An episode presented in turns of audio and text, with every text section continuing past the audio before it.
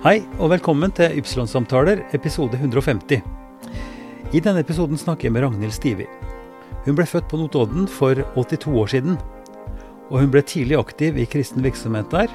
Og da hun kom til Drammen 20 år gammel for å studere biokjemi, så savna hun fellesskapet hun kom fra. Via kjente så ble hun med i Frelsesarmeen, og der har hun vært aktiv hele livet siden. Etter at hun ble pensjonert fra jobben som universitetslektor ved nåværende Oslo OsloMet, har hun bidratt svært mye som frivillig både i Frelsesarmeen og i dialogarbeidet i Drammen. Det betyr mye å ha fellesskap i en menighet, sier Ragnhild Stivi. Da er det en glede for meg å ønske Ragnhild Stivi velkommen til Ypsilon-samtaler. Fint at du kunne komme. Eh, jeg introduserer deg, Ragnhild, som eh, en, en, av de eldste eh, når det gjelder også tid og samarbeid innenfor dialogarbeidet i, i Drammen, i DHTL. Eh, og det må ha vært Nå husker jeg ikke så nøye når det kunne ha vært, men det var tidlig etter at DHTL ble stifta. Og DHTL satte vi i gang i Altså vi forarbeidet i 2007, og så stifta vi i 2008 ni-ti eller noe sånt, tror jeg. Ja. Hva var grunnen til at du eh, kom inn i det arbeidet?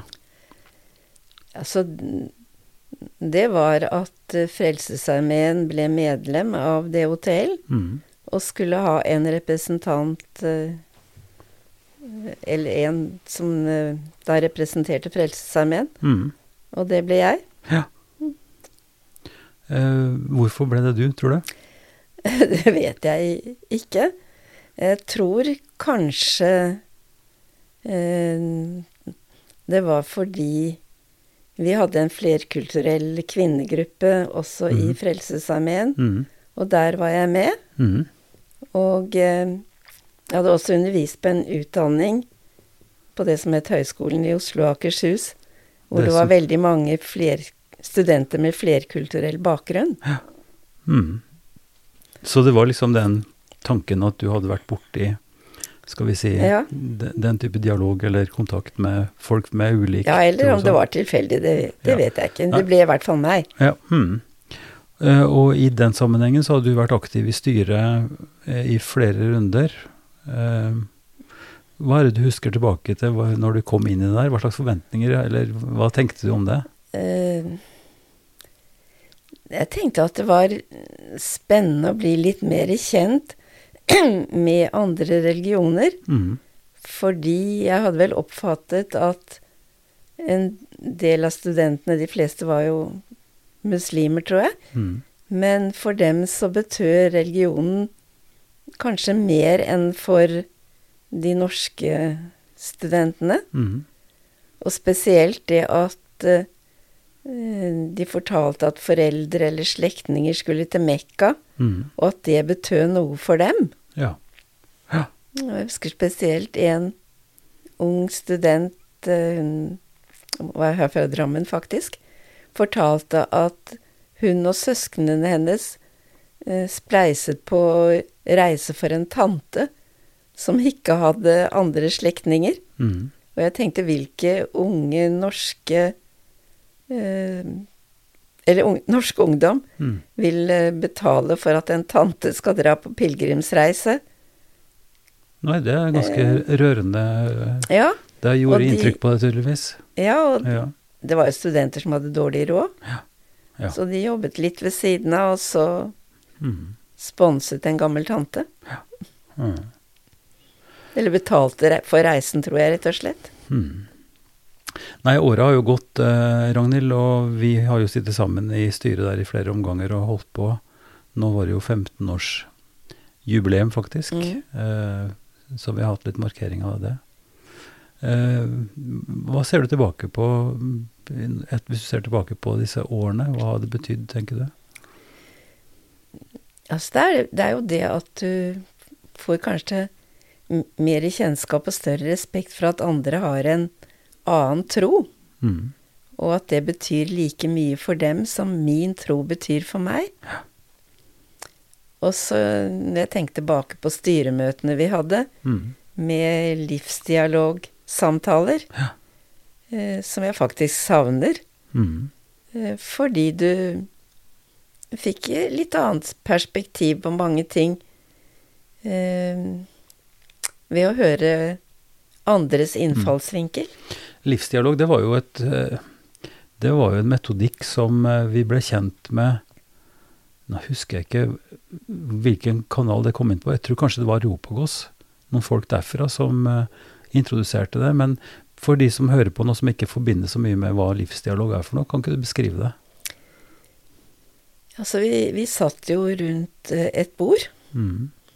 og uh, tok opp da et tema. Og så skulle alle få hver sin anledning. To, tre, fire minutter, husker jeg ikke helt, men mm. tiden ble overholdt i hvert fall. Mm. Og eh, så skulle man si hva betyr dette temaet egentlig for, for meg? Ja, for det, tatt, det, er et bestemt tema ja. som ble satt i, ja. i, i, forkant, ikke sant? Og, eh, og så fikk alle hver sin anledning, og så ble det sendt rundt en såkalt talking stick, mm. hvor man ikke Altså den som hadde stikken i hånden, mm. eh, hadde ordet, og mm. ingen andre fikk avbryte verken med eh, utrop eh, eller spørsmål. Hei. Og alle Slik at man fullførte hele runden mm. før det ble anledning til å stille spørsmål eller kommentarer. Mm. Og så ble det også slik at man eh, had, fikk mer respekt for hverandre. Eh, slik at det ble ingen sånne krasse kommentarer. Eh, hvordan i all verden kan du tro på noe sånt? Eller dette må da være helt sprøtt. Mm, ja. Selv om det kanskje synes veldig fremmed for oss. Mm. Nei, fordi eh, når en tar opp en bestemt problemstilling, så, så får en gi uttrykk for det, hvordan en ser på det, ja. og hvordan ens ja, oppdragelse eller bakgrunn eller forståelse har blitt forma. Eh, og, og, du sier når det skaper respekt, så er det fordi at det skaper mer innsikt også. Altså at en får en, en forståelse for hvordan, ja. hvordan ting eh, har blitt, og hvordan en eh, tenker som en gjør. Eh, og vi har jo en, en, eh, en slags eh, skal vi si, uvane, eller vi, er, vi, tenker ganske fort at vår måte er liksom måten som alle må skjønne. Men, men sånn er det jo ikke. Både vår, vår religion og vår kultur. Mm man får kanskje også litt mer forståelse for at andre har en annen bagasje. Mm. Men apropos bakgrunn og bagasje og, og, hvordan ting har blitt. Du er nå faktisk 82 år. Overraskende nok forteller du meg at du er blitt så gammel. Du er sprek og har bra helse, heldigvis. Men hvordan var det i begynnelsen? Hvordan var det sånn at du ble Frelsesarmé-soldat eh, som frivillig? Og, altså, hvor starta det hen? Ja, altså, jeg, jeg jo har vel alltid vært en kristen fordi moren min var eh, en kristen, eller ble, da jeg var ganske liten. Fortell om barndommen din. Altså, jeg vokste opp på Notodden. Det er jo en liten by. Mm. Industriby. Mm. Hvor eh, ja, alle Enten så jobbet foreldrene våre på Hydro, eller så jobbet de på Tinnfoss. Ja. Hvis ikke de da jobbet innen kommunen, helsevesen, skolevesen. Mm. Det var jo en liten by hvor det ikke var så store forskjeller, som jeg opplevde i hvert fall. Uh, og moren min var da en, ble en kristen da, hun, da jeg var ganske nyfødt. Så jeg var med i Så jeg har liksom følelsen av at jeg har vært en kristen ja. Fra jeg var liten. Og så ble faren min Han ble frelst. Uh, mens jeg gikk på gymnaset. For, for, Fortell om det. altså For disse begrepene, sant, ble en kristen uh, Noen vil jo si det så firkanta og formelt at ok, når du er døpt, uh, så er du døpt, og da, da er du kristen, liksom. Det er i hvert fall i en kulturell og tradisjonell ja. forstand. Men når du sier at hun ble frelst, så skjedde det noe som gjorde ja, altså, at hun gjorde, det ble en forandring for henne, ja. ja. Hun var jo også eh, døpt, men vokste jo ikke opp i en familie hvor det var naturlig å gå i kirken, f.eks. Eh, de var vel ja, ikke fremmede for det, for det tror jeg ingen var i den generasjonen. Nei. Men uh, Nei, fordi Både undervisning i skolen, altså det var bibelhistorie, ja. det var salmesang, det var Fader vår antakeligvis ved start osv. Så, videre. så alt var jo på en måte på en måte pakka inn Ja. i den både tankegangen og i den troen. Ja. Men, men forskjellen var så at hun fikk en personlig opplevelse, ja. eller altså det, det, ble, det ble på en annen måte for henne etter dette. Og det samme skjedde for faren min. Det var mens jeg gikk på gymnaset. Mhm. Så Men eh, i hvert fall Jeg tror alle i, i vår familie enten hadde et helt personlig forhold til eh, det å være en kristen, Mm. eller hadde nok mye mer respekt for kirke og kristen tro enn Mm. det er i samfunnet i dag. Det, det er nesten ikke sammenlignbart. Det er, det er en veldig, veldig stor forskjell. Og, eh, men men det, derfor er det også interessant å, å snakke litt mer konkret om hva det er. Ikke sant? For Mm. når for din mor eh, da ble en kristen, og faren din altså ble omvendt eh, på en skal vi si på en veldig tydelig måte, så jeg syns det er interessant å høre. Var det i et bedehusmiljø, eller var det i Frelsesarmeen, eller hva var det? Nei, det var Moren min var i Misjonsforbundet. ja. faktisk. Og så endte de begge opp i Misjonssambandet, Ja. fordi faren min, som var fra Heddal, Mhm. fra en gård, og der var nok mer respekt for kjørkja og tilknytning til kjørkja, så han kunne ikke tenke seg noen mer frimenighet, tror jeg. Nei. Og Misjonsforbundet, si kort, kort hva det er for noe. det er Det Norske Misjonsforbund, det er jo en frimenighet. Mm. Det er, det er det, jeg vet ikke om du har hørt om Betlehem i Oslo? Jo, jo. jo. Så Mm. det er Misjonsforbundet. Ja. Eh, For det, det, altså, det er jo noe som folk flest kanskje ikke heller er så bevisst på nå, men det er veldig mange ulike kristne eh, grupperinger ikke sant, innafor det som er den protestantiske Mm. delen av kristenheten. Altså at det er, ikke sant, Du har frikirkene som da ikke er en del av den offisielle, det som het statskirka før. Men det er ikke sant, baptister, det er metodister, det er ja, pinsevenner og osv. Uh, men, eh, og så klart Frels- Frelsesarmeen, som er en veldig sånn tydelig skal vi si, sosialetisk, eller en, en bevegelse som jobber med kanskje folk som har ramla litt utafor, eller sånt. Men, men si litt mer om de prosessene, altså hvorfor det ble sånn for eh, dine foreldre. Uh, I den grad du vet så mye om det, egentlig. ja. Ja. Jeg flyttet jo hjemmefra når jeg var 20. Ja. Uh, men uh, altså, moren min var jo da i Misjonsforbundet inntil faren min tok Ja. et standpunkt for ja, å bli ja. Som gjorde en forandring i hans liv. Mm. Og han kunne ikke tenke seg Misjonsforbundet, tror jeg. Ikke at han hadde noe imot at moren min var der, men uh, mamma sa at nå har jeg gått alene på møter i så mange år, så mm, da bytter jeg og uh, går over i Misjonssambandet, så går vi sammen. Mm. Og der var også et par av hennes søsken med, så det var jo ikke Mm. noen fremmed menighet. Nei. Eh, og, og Misjonssambandet er jo en, en, skal vi si, en ganske streng eller en, Ja, en konservativ eh, kristen forsamling, kristen organisasjon. ja da, og jeg sa jo ganske bestemt jeg kommer aldri til å gå inn i Misjonssambandet med de kvinnesynet de har. Nei. Fordi de har vært motstridende, eller vært veldig- motstrebende faktisk Ja. helt til nå i forhold til det at med stemmerett og Altså, så moren min var jo formann i misjons... I eh, ja, en kvinnemisjon. Ja. Men på generalforsamlingen så måtte det være en mann som representerte kvinneforeningen. ja, tenk det. Mm.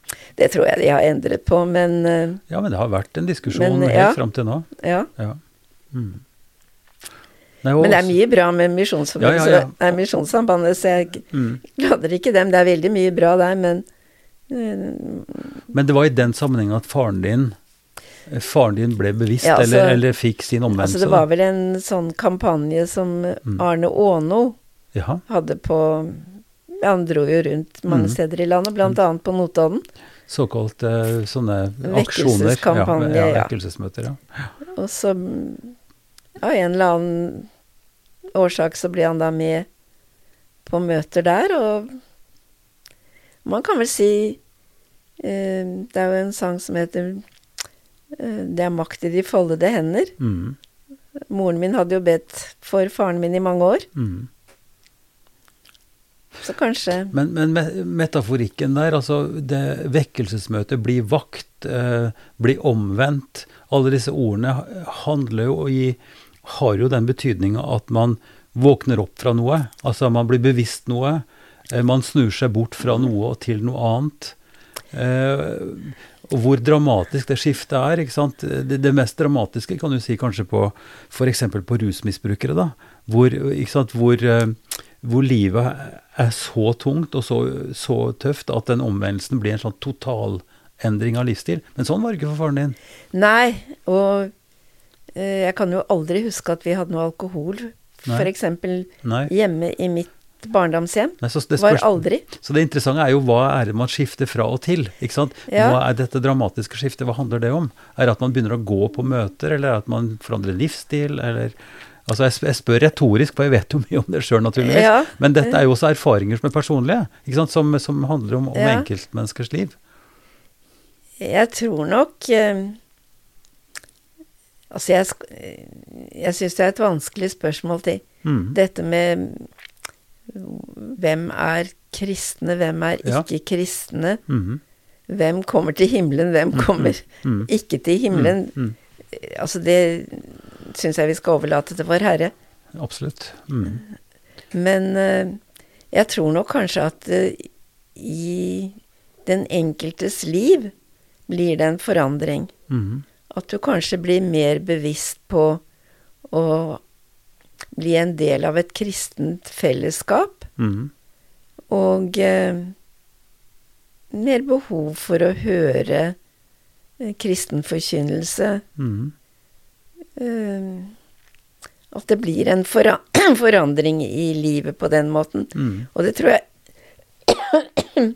Det tror jeg de fleste erfarer. Mm. Eh, altså, det er ikke noe sånn eh, noen er vel kanskje kristne hele livet, og som vel jeg for så vidt har vært, men jeg følte vel også etter hvert eh, Mistet vel litt eh, menighetstilknytning når jeg mm. flyttet hit til Drammen, mm. hvor jeg ikke kjente noen. Mm. For du flytta etter videregående? Ja, jeg var hjemme ett år hvor jeg gikk på husmorskole og handelsskole, visste ikke helt hva jeg eh, skulle. Og så begynte jeg da på det som het laboratorieteknikerutdanning her i, i Drammen. Mm. Og som er blitt bioingeniør etter hvert. Ja.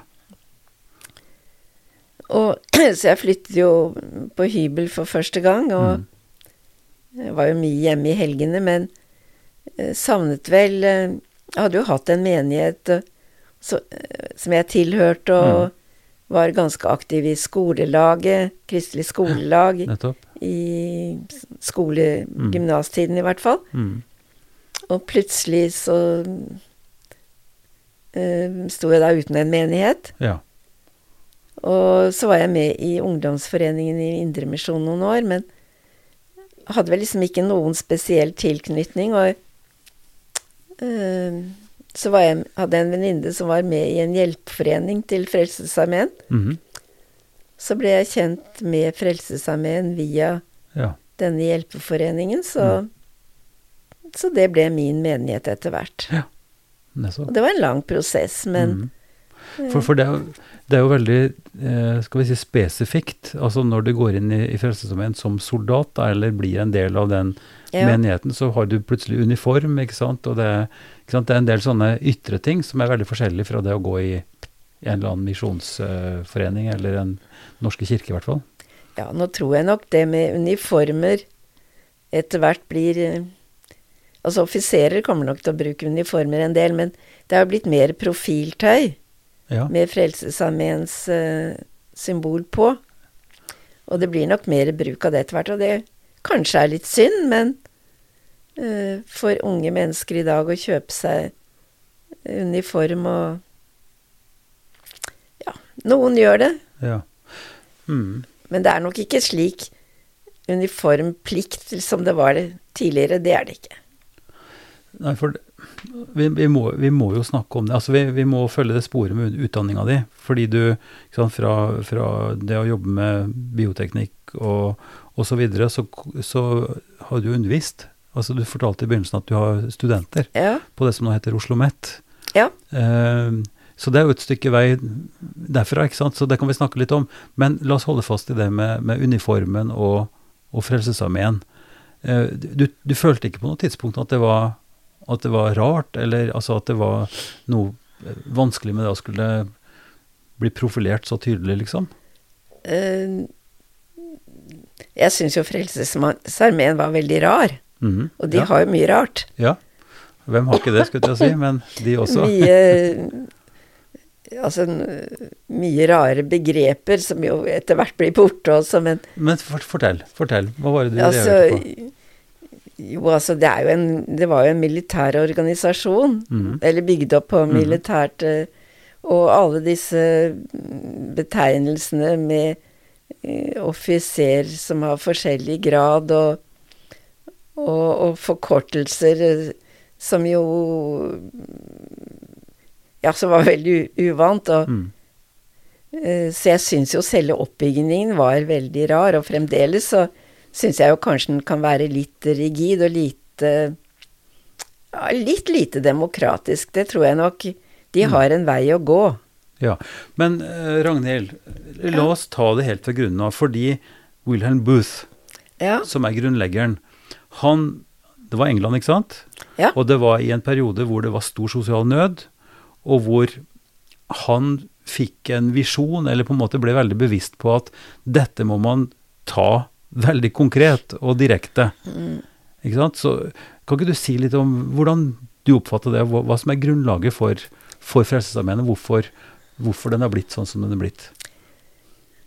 Altså, det begynte jo i Øst-London, hvor det var stor eh, fatt, Mye fattigdom. Mm. Og mye sosial nød. Og alkoholmisbruk. Mm. Og eh, et av uh, de første valgspråkene William Booth kom med, var jo såpesuppe og frelse. Soap, soup, salvation. Soap, soup, salvation. Fordi du kan ikke frelse folk på tom mage, som han sa. ja. mm. Og eh, mm. Så det Den ideen med å knytte kristen evangelisk forkynnelse til sosial virksomhet ja. har vel vært to grunnpilarer i Frelsesarmeen helt fra historiens start. Ja. Men det er jo ikke det er jo ikke spesifikt for Frelsesarmeen, for det er en lang, lang tradisjon. At kristen tro har ført til omsorgsarbeid. Eh, Sykepleien, eh, sosialarbeid, omsorgsarbeid er jo veldig ofte knytta til, til, kirka eller til kristent arbeid. Helt tilbake til munkevesenet, for, for, for, så vidt. Sånn at det er jo ikke det er jo ikke, det er jo ikke Frelsesarmeen som har funnet det opp, men det er veldig spissa, på en måte. Det er, det, er, veldig knytta til nesten alt uh, Frelsesarmeen gjør, hvis jeg har forstått det riktig. Altså, jeg, jeg tror nok uh, Frelsesarmeen var tidlig ute med mm. bl.a. slumsøstre, som jo ja. gikk i hjemmene, ja. i de fattige hjemmene og hjalp. Mm. Og uh, Så jeg tror nok det med å ha kristendom og sosialt arbeid mm. gikk hånd i hånd. Ja. Og det begynte jo med en elevator, ikke sant, eh, hvor de prøvde å gi arbeid til de som kom ut av fengselet, mm -hmm. for at ikke de skulle komme opp i, i samme elendighet på nytt igjen. Minn oss på elevator, hva det er for noe. Altså det, det er jo det samme som er, nå er Fretex. Ja, nettopp. Nettopp. Ja. Mm. Og elevator gikk jo nettopp på at du skulle løfte folk ja. opp. Det skulle være en heis, rett, rett og slett, ja. fra et, til et bedre liv, ja. ja. Uh Så den sosiale profilen mm. uh, Men hva er greia med militære grader og, og ja, Altså, det, det kan du jo spørre om, og det uh, Hvorfor det ble sånn, det vet jeg faktisk ikke. Uh, Eh, men det var jo helt fra starten så ble det bygget opp som en kamp mot uh, ja.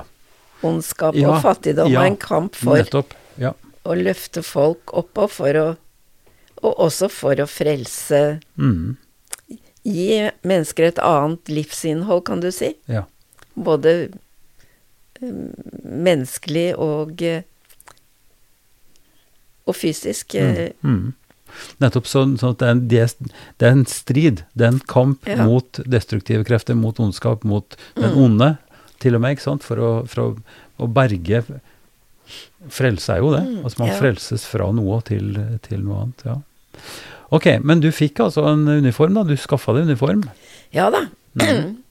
Det når, når går du med den? Når gikk du med den? Fra begynnelsen av? Altså, i begynnelsen så var jeg jo med også i en sånn strengemusikk- eller musikkforening.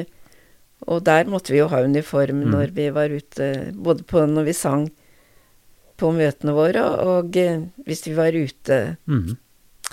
Og vi var nok også mer pålagt å gå med uniform på møte ja. eh, også enn det er nå. Ja. Ja. Og det kan man vel si Vi var mer synlige ute i samfunnet, kanskje, mm. når vi bar uniform, men samtidig så kjører jo de fleste til og fra møtet, så Ja. ja. Mm. ja. Ok, og da Og dette er jo frivillig arbeid. Du har offiserer, som sagt, som, eh, som får en type kompensasjon. Ja, de har vanlig lønn. Ja. Mm. Og de Tidligere så måtte de jo skaffe sin egen lønn. Ja. Men uh, nå får jo de en lønn som, uh, som er kompatibel med ellers i samfunnet. Ja. Men så må de De ble de blir beordret, som det heter. ikke sant? At ledelsen I hvert fall så var det mer sånn at Jeg vet ikke, det er sånn som en har lest og hørt, at, at folk blir sendt. ikke sant? Beordret hit og dit. Ja, og tidligere så gjorde de det. Mm. Jeg har jo en gammel venninne som er offisersbarn. Mm. Og eh, hun forteller jo at de ble jo sendt land og strand rundt, og var et par-tre par, år mm. toppen mm. på hvert ja. sted. Men nå er det nok mer sånn at de Det heter jo beordringssystem, men de De får jo helt andre betingelser nå. De blir innkalt til en samtale, og så blir man da enige om hvor man Om man kan velge, det vet jeg ikke, fordi jeg ikke noe, nei, har ikke vært med i de samtalene. Men nei, jeg forstår jo at det er mm. mye lempeligere nå, at man mm ikke sånn helt for uforberedt får en, eh, et brev i posten hvor det står 'du får farvel', som det heter. Ja. Om, eh, og så får de en ny post, eh, ordren er til. Ja. Det, sånn er det ikke lenger. Nei, nei. Nei da, men, men, det er jo veldig mye som forandrer seg. Altså, ja, og de tar nok mye mer også hensyn til barn og skolegang nå, at de får jo være lenger på et sted for ikke for å få altfor mye brudd i skolegang og sånn. For den eh, virkelig skyggesida ved misjon, f.eks., har jo vært mm. her. Altså, der, eh, der, barna må bo på internatskole f.eks. i mange år, ganske langt, langt fra foreldre, ja. og hvor, eh, hvor, det har vært mye, og som, som vi har lest og, og kjenner til, at, at der er det mye skadegjort, rett og slett. Og sjøl om det er en mildere form når du Det blir jo sånn som med militæret, altså ja. i det vanlige militæret også, at man at man flytter mer enn Eller diplomat, diplomater eller sånt. Så det er jo noen yrker som er sånn, og presteyrker òg var jo sånn mer før, at den var i litt kortere tid før den ble sendt videre. Så det er nok som du sier, barna kanskje, og en større forståelse for hva det Hvor krevende det er for barna. Ja. Mm. Uh, men så er det jo Eh, så kan du jo si at Frelsesarmeen sørger jo da også for sine offiserer etter at de er blitt eh, pensjonert, fordi hvis de da ikke har skaffet seg egen bolig, så, så har jo også Frelsesarmeen leiligheter som de stiller til ja. rådighet. Ja. Så om de nå har flyttet mange steder og ikke har slått seg ned ja. noe sted, så, mm. Så vel, de leilighetene er vel stort sett i Oslo, men øh, de, de, får jo også et sted å bo etterpå. Mm. Eh, du sa noe om at, eh, at du var sterkt kritisk til kvinnesynet i sambandet, og at du aldri kunne tenkt deg å gått inn der av den grunn. Eh, vil du si noe mer om det? Altså hva slags uh, teologiske For det er jo, det jo noen samme utfordringer kanskje også i, i Frelsesarmeen? Altså der Nei, det tror jeg ikke, fordi nei. der kan du jo si at der har vel kvinner og menn i hvert fall vært mer likestilt. Ja, ja. Og uh, William Boots, en av hans døtre, ble jo general i Frelsesarmeen. Og det var jo ganske tidlig i Frelsesarmeens ja. historie. Ja, nettopp. Og det har jo vært uh, general rett på. Mm. Uh, Riktignok så er de fleste vært menn, og uh, det har vel alltid vært slik at uh, tidligere at uh, kvinnene fikk mannens Altså kunne ikke få høyere rang Nei. enn sin mann, og det, det, er det også forandret på nå. Okay. Ja. Uh, så jeg tror nok kvinner har vært mer historisk også mer likestilt ja. enn i mange andre trossamfunn. Mm. Mm. Uh, din vei videre, da. Så du, uh, skal vi kanskje gå over til det med utdanninga og yrkes, yrkesmessige ting. du tok utdanningen her i Oslo, samtidig som du Nei, her i Oslo, her i Drammen, mens du da begynte i Frelsesarmeen. Si litt om hvordan veien gikk videre i yrkesmessig. Eh, altså, jeg jobbet jo på Jeg tok da utdanning her i Drammen, mm. eh, som var toårig, pluss eh, vi hadde ni måneders sykehuspraksis før vi fikk begynne på laboratoriet. Ja. Og et pliktår etterpå. Eh, så jobbet jeg noen år her i Drammen. Og så jobbet jeg et år i England. Jaha på en farmasøytisk bedrift. Ok, Hvor i England da? I London. Ja. Glasgow Laboratories. Ja. Um, og ble, ble, da en del av uh, Salvation Army i nei, London, eller? Nei, det gjorde jeg ikke. Da. Jeg hadde ikke uh, blitt soldat i Frelsesarmeen så tidlig. Nei. For det var like etter jeg var ferdig utdannet. Ja. Og så tok jeg videreutdanning som uh, bioingeniør. Ett år. Og pedagogikk. Og så tok jeg hovedfag eh, noen år senere. Mm -hmm. Og det var et tilbud som ble opprettet mellom eh, Høgskolen i Oslo og Akershus og Universitetet i Oslo for å kvalifisere høyskolelærere til høyskolelektor. Jaha. Så et hovedfag i forhold til det med bioingeniør? Ja. Hva, hva, hva altså det var Det tilbudet eksisterer vel ikke lenger enda, men um, det, var, det, eksisterte noen år uh, som uh, Vi skrev også en, en, hovedoppgave som ble vurdert av Universitetet i Oslo. Mm -hmm. um, som gikk på mer helsefag generelt. Mm -hmm.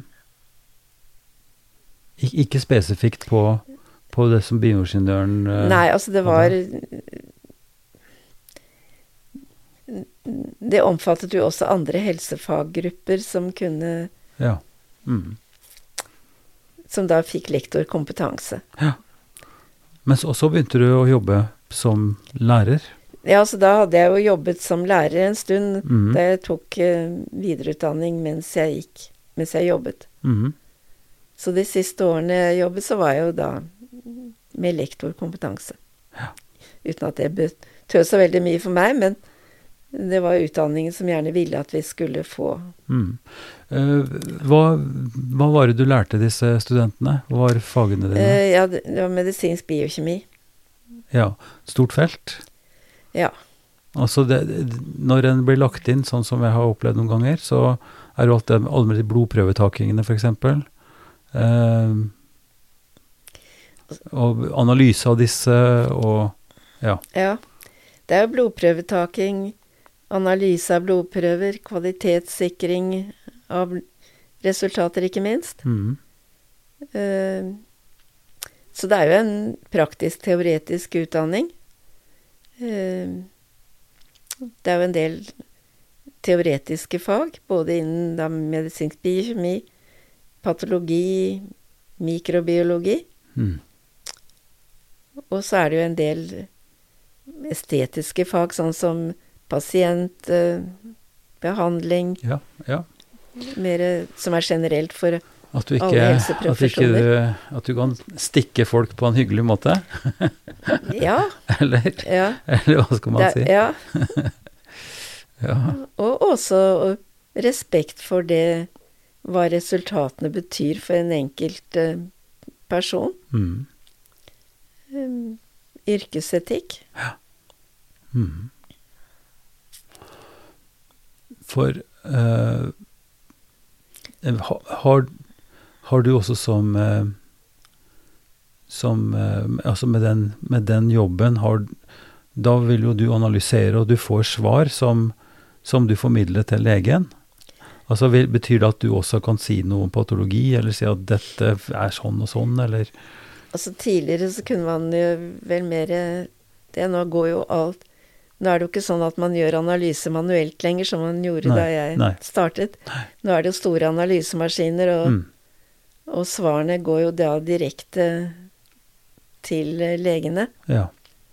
Men eh, det er jo klart det med å se på svarene Er det Henger det på greip? Har det skjedd noe underveis? Mm. Selv om man har kontrollsystemer, så kan jo kan det jo skje enkeltfeil. Og noen blir Og det å være litt kritisk til de svarene som blir produsert. Ja.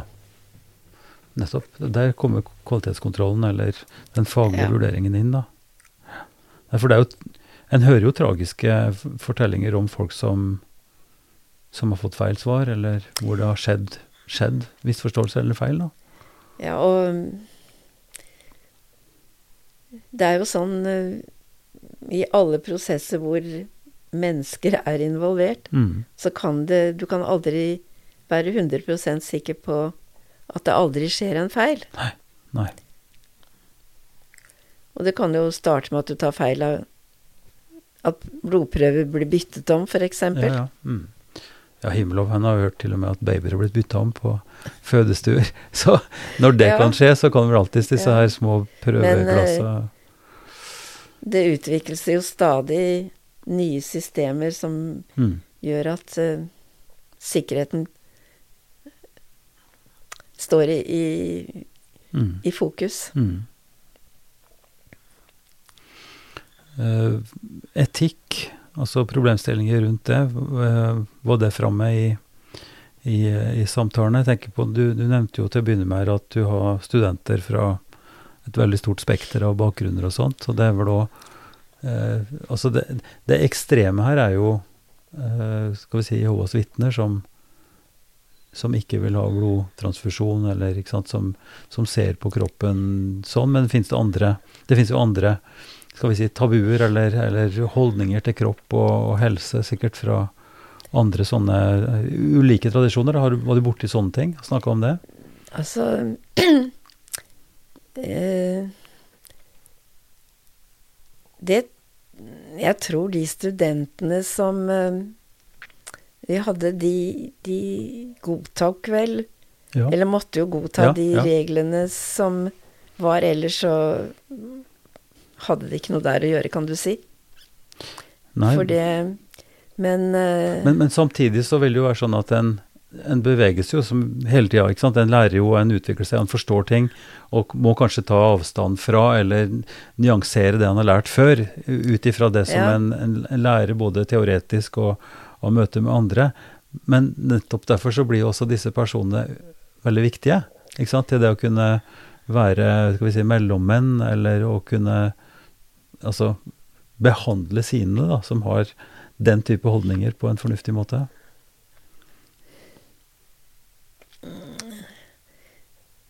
altså når jeg tenker på den forandring det ble når vi plutselig fikk studenter med hijab, mm. eh, så Ja, så var det uvant eh, til å begynne med. Mhm. Men etter hvert så ble det så mange av dem at du så, du så ikke om de de bar hijab eller Nei. ikke. Nei, det Og det ble vanlig. så mange Mm. studenter med forskjellige eh, hudfarger, kan du si, så Mm. de ble en del av studentgruppen, og, og, de måtte forholde seg til de reglene som uh, gjaldt for yrkesutøvelse. Og, mm. Og, og det, kan, altså det, det, gikk seg til. Og, ja, ja og, det gjør det jo. Men, men på samme måte som Altså, det har skjedd en stor Og det skjer stadig en stor forandring pga. migrasjon og at folk flytter på seg, og at, at, den, at gruppene f.eks. av muslimer blir større, eller folk fra Syria, eller sant, fra Afghanistan. altså det, det, blir større grupper, og, og, det blir normalisert på den måten at, at en kan snakke ganske uanstrengt om en norsk muslim. ikke sant? Det er ikke en motsetning. Eh, altså fordi at folk som bor, eh, som bor i Norge, er forskjellige både av kultur, språk, etnisitet osv. Men nettopp derfor også så er det jo en, tenker jeg, en, en slags prinsipiell bevegelse i vår måte å tenke på. Altså at en, en, eh, en muslim som har en bestemt uh, ordning rundt f.eks. renselsesprosess eller, eller, eller, rituell vask før bønn osv., uh, har og mat ikke sant, i en sykehussetting, mm. i, i, i, når, når noen dør Altså alt det der som som er definert av religiøse, kulturelle plikter og, og rammer, eh, gjør jo at for en som skal håndtere Vi, vi har jo snakka om dette i sykehus ikke sant, eller pleieinstitusjoner. Eh, så er jo det et faglig interessant område, og et, et, faglig tema som jeg vil tro også angår på en måte den, den fag, si, fagsektoren da, som, som du har vært inne i din yrkeskarriere også. Altså, jeg jeg tror sånn Det som angår pasientkontakt, mm. det angår nok annet helsepersonell mer enn bioingeniørene. Ja. Fordi vi har så korte relasjoner til ja. Eh, pasienter. Du triller tralla det inn, liksom, ja, og tar og, prøven og går igjen. Ja. Mm. Og eh, hvis det er noen som reserverer seg for, mot å bli tatt blodprøver av, så er det for så vidt for, for, så vidt ikke vår problemstilling. Nei. Det er det jo andre som ja. uh, tar seg av. Mm. Og det at du har studenter Altså, studenter ble De ble ikke noe særbehandlet fordi om de hadde en Altså, de må forholde seg til ja, de samme ja, regler som mm. gjelder for alle studenter. Klart. Mm. Og eh, eh, Altså, noen av dem fastet jo, og det under ramadan. Og, mm. og, det var for så vidt deres problem å, å møte opp. Mm. Uh, og fikk de fravær, så ble, ble det registrert mm. som fravær. Mm. Ja. Og altså, Høgskolen i Oslo var jo en så stor arbeidsplass at du Der var det blant annet et, et sånt lite hellig rom. Uh, hvor de kunne trekke seg tilbake og be om de gjorde det, eller om de ba andre steder det. Det vet jeg for faktisk ikke, og uh,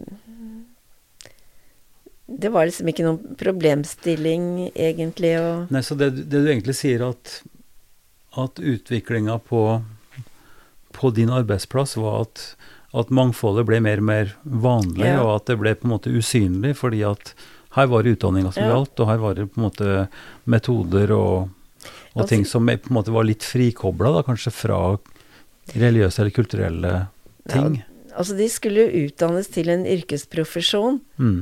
og dermed så ble det ikke gjort noen unntak for uh, de studentene som uh, hadde utfordringer i form av språk, f.eks. Uh, altså vi forsøkte jo å hjelpe så godt vi kunne. Men det var ikke noe sånn at de fikk en lempeligere eh, bedømming på en nei, eksamen, f.eks. Nei, nei, nei så det, det, går jo ikke. Sånn Fordi ikke eh, de skulle jo ut i et yrkesliv og fungere mm. ja. Ja. Da, på linje med, andre, med alle så, andre. Så kanskje er det først og fremst da i, på en måte i møte med frivilligheten eh, i, i Frelsesarmeen i, i, Drammen. Altså Du fortalte litt om de kvinnegruppene som, som du var engasjert i før du begynte i, i dialogforumet vårt. Mm. Eh, hva, hvordan opplevde du det, og hva, hva, var utfordringer og glede ved det? Eh, jeg møtte en helt annen del av innvandrerbefolkningen. Ja. Fordi etter hvert eh, så var de studentene som vi møtte Altså den første tiden vi fikk fremmedspråklige studenter, og det var jo mye over 20 år siden, så hadde de større språkproblemer fordi det var ungdom som kanskje var kommet hit Ja. eh, Mhm. for å begynne på et studium, ja. Mm. eller eh, hadde kommet hit som relativt eh, Hadde bare deler av sin skolegang i Ja. Norge. Nettopp. Men etter hvert så var det jo studenter som var født og oppvokst i Norge. Klart. Mm. Så om de hadde en annen hudfarge eller en annen religion eh, Så var de norske for ja, alle Så var de på en formål. måte mer norske, ja. ja. Mm.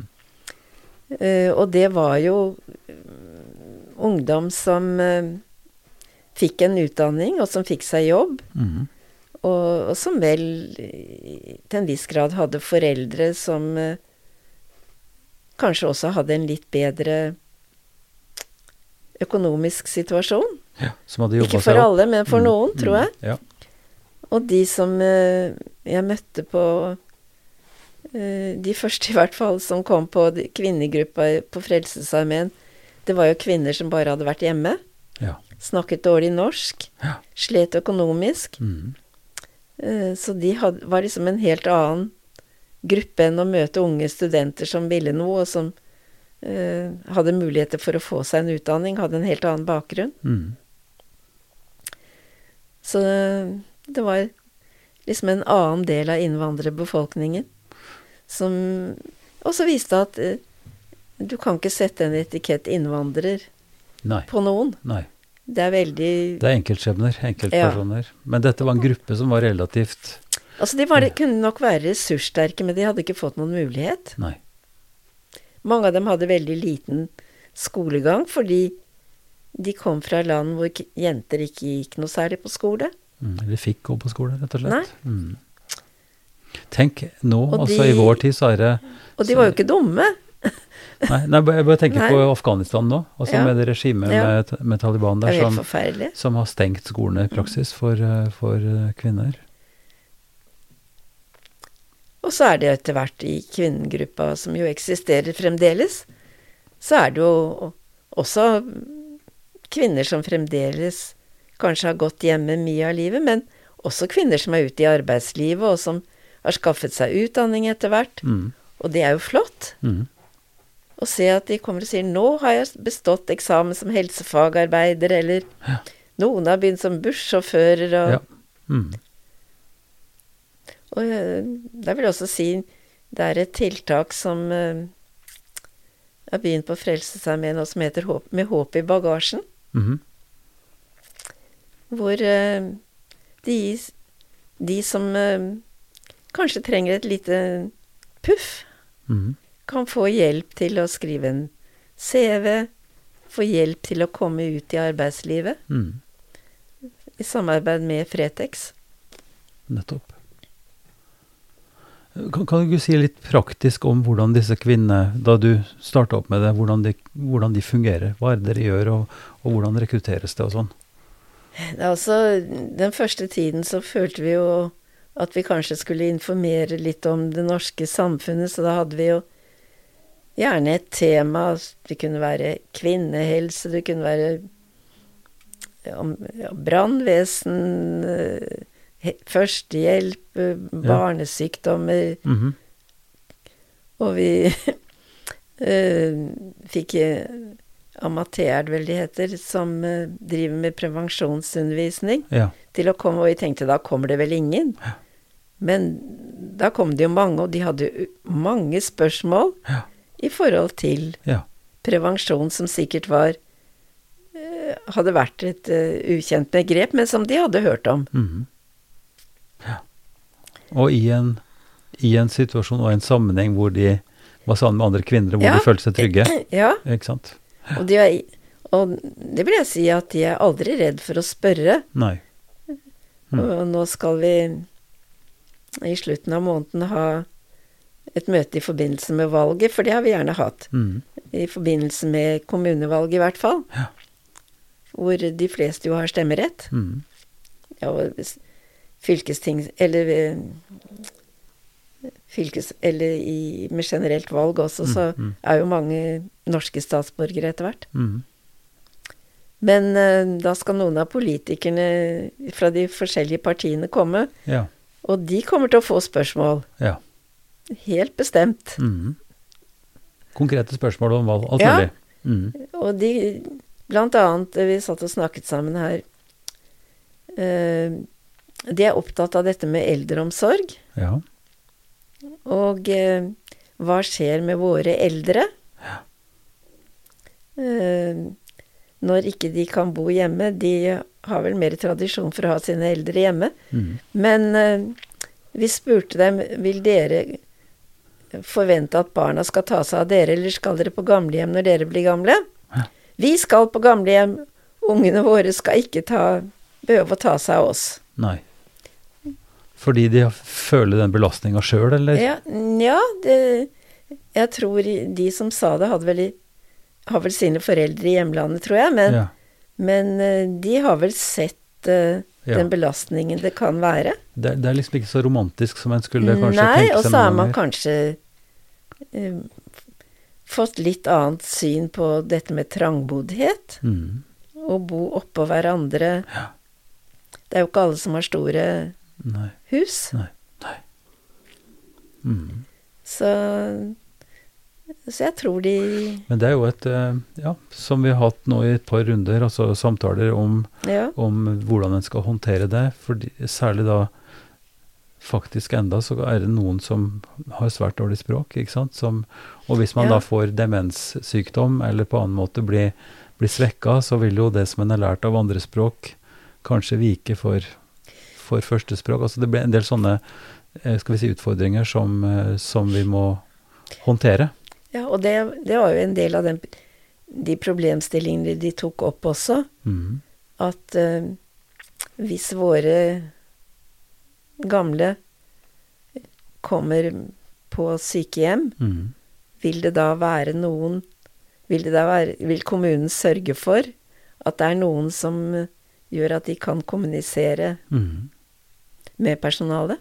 Ja. Fordi vi, det vi kanskje har sett så langt, det er jo det motsatte. Altså at man har helsefagarbeidere og Mm. sånt som, som ikke har sånn 100% språk, og hvor eldre enn nordmenn Ja, da som, det går den andre veien, ja. Ikke sant? Eh, Hvor en uh, har trøbbel med å, å forstå, for enten en hører dårlig eller, ja, eller ikke tåler så godt aksent, da.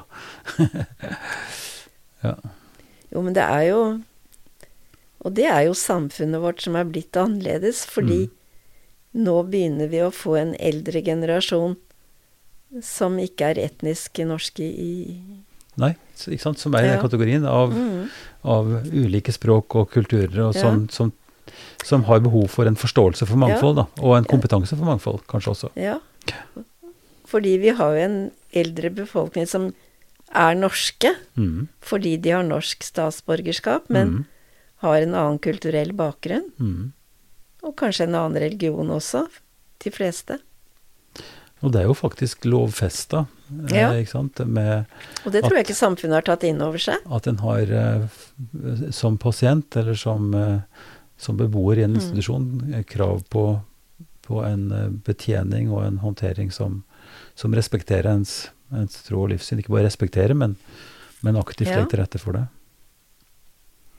Så der er det en, kanskje en, både en kompetanse og en type arbeid som du har deltatt i i dialogarbeidet og i dialogforum også, eh, som nå utvikles videre, ikke sant, med det som de kaller chaplaincy, som handler om rett og slett hvordan en kan bidra til å utvikle og, og, og få opp den kompetansen, eh, som gjør at institusjonene på en bedre måte kan både forstå eh, premisser for arbeidet sitt, og, og bidra til at folk får den betjeninga de, de har krav på og Ja. trenger.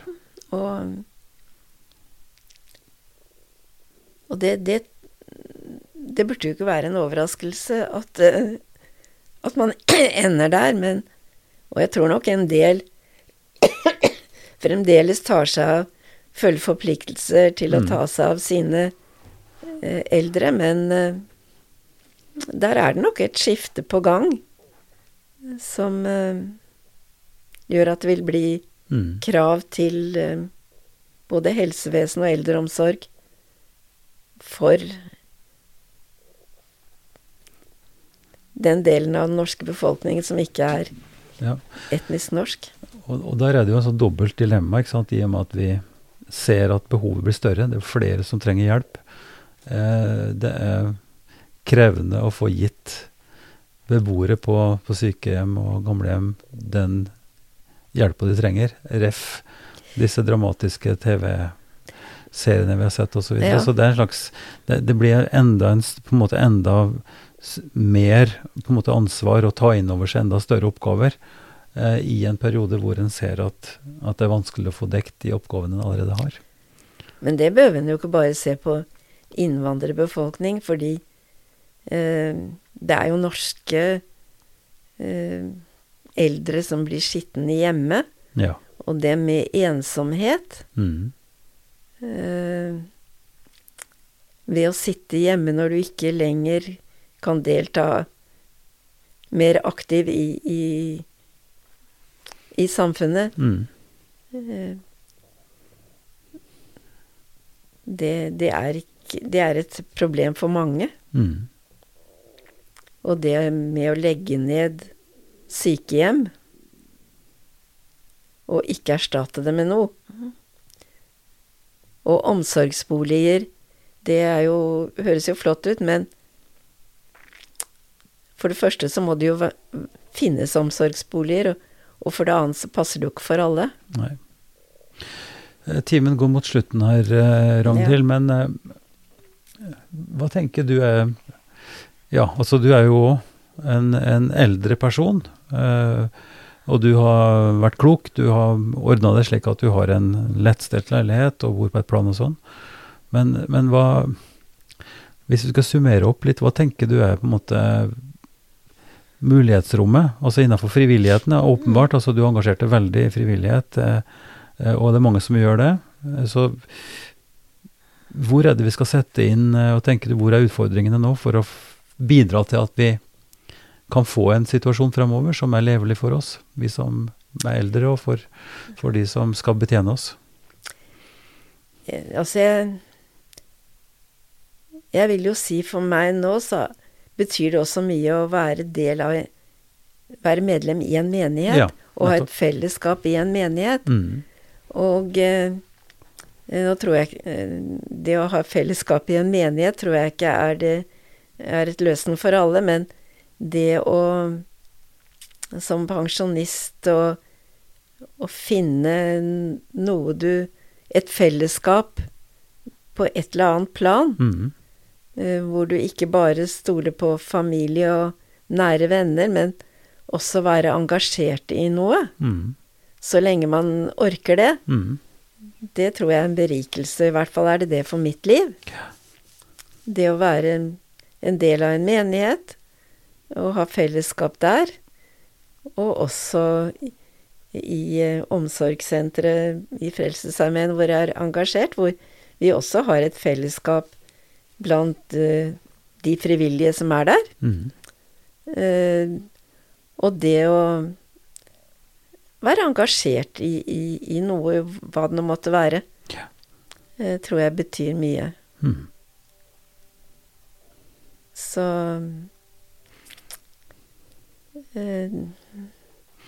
Men er du å, å, ha en oppskrift for det er Nei. ingen oppskrift som passer for alle. Nei, det er sant. Det er sant. Men, eh, men fellesskapet, altså at man har noen eh, som ja, man kan ha et fellesskap og en interesse sammen med, og, og ikke minst ikke sant, det at man bidrar til å hjelpe andre. Altså at det blir en Ikke at man på en måte bare sitter i en krets for seg sjøl, men, men, bidrar. Og det, det Ragnhild har du vist vei på, tror jeg, på, på mange forskjellige vis.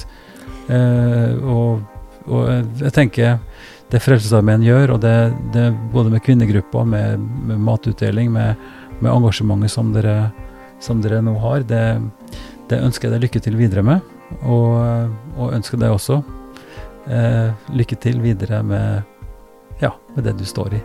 Så tusen takk for samtalen. Ypsilon-samtalene produseres for Kirkelig dialogsenter i Drammen av Ivar Flaten. Og det er jeg som eh, har redaktøransvaret, og, og som produserer episodene. Podkasten er støtta av Drammen kommune, av eh, Barne- og familiedepartementet og av Einar Juels legat. Vi ønsker svært gjerne innspill på hvem som kan være aktuelle som eh, samtalepartnere. Gjerne også med temaer til hva dere syns kan være interessant å høre om. Gi gjerne beskjed via mail til ivar krøllalfa ifd.no. Altså ivar krøllalfa ifd.no. Vi høres.